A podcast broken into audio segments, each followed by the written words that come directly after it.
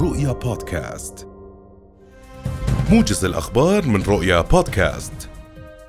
استكمل مجلس النواب مناقشة مشروعي قانوني الموازنة العامة وموازنات الوحدات الحكومية للسنة المالية 2022 وسيستمع المجلس اليوم إلى رد الحكومة على ملاحظات النواب تمهيدا للتصويت على القانونين فصلا فصلا سندا لأحكام الدستور بالإضافة للتصويت على توصيات اللجنة المالية النيابية. أوضح وزير الدولة لشؤون الإعلام الناطق الرسمي باسم الحكومة فيصل لشبول أوضح أن القرارات الخاصة بالإجراءات التخفيفية سيعلن عنها رسميا نهاية الأسبوع الحالي. وأكد الشبول في تصريح خاص لرؤية أن الحكومة عازمة على إصدار قرارات خاصة بالقطاع السياحي والمنشآت العامة إضافة إلى بعض أوامر الدفاع. وكان رئيس الوزراء الدكتور بشر الخصاونة قد كشف أن الحكومة بصدد الإعلان المتدرج خلال الأسابيع المقبلة عن إنهاء الإجراءات المتعلقة بوباء كورونا بما ينعكس إيجابا على معظم القطاعات. أدانت وزارة الخارجية وشؤون المغتربين الممارسات الاستفزازية التصعيدية التي يقوم بها المستوطنون في حي الشيخ جراح في القدس الشرقية المحتلة.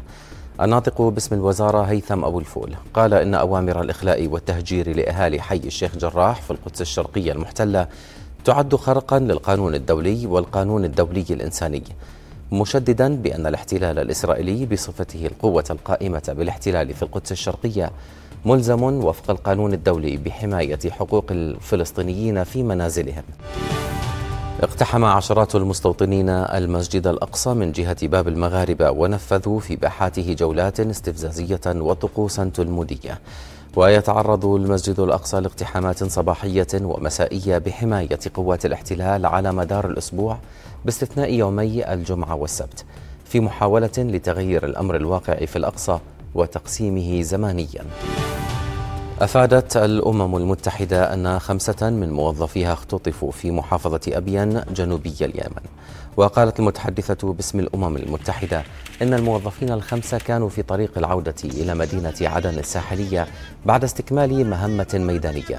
وأضافت أن الأمم المتحدة على اتصال وثيق بالسلطات لتأمين إطلاق سراحهم حيث لم تعرف حتى الآن الجهة المسؤولة عن اختطافهم.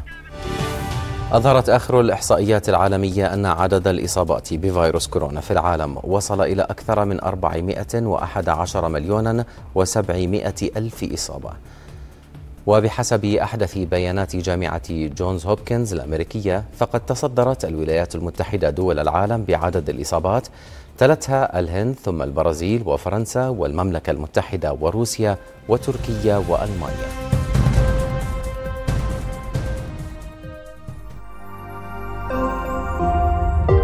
رؤيا بودكاست.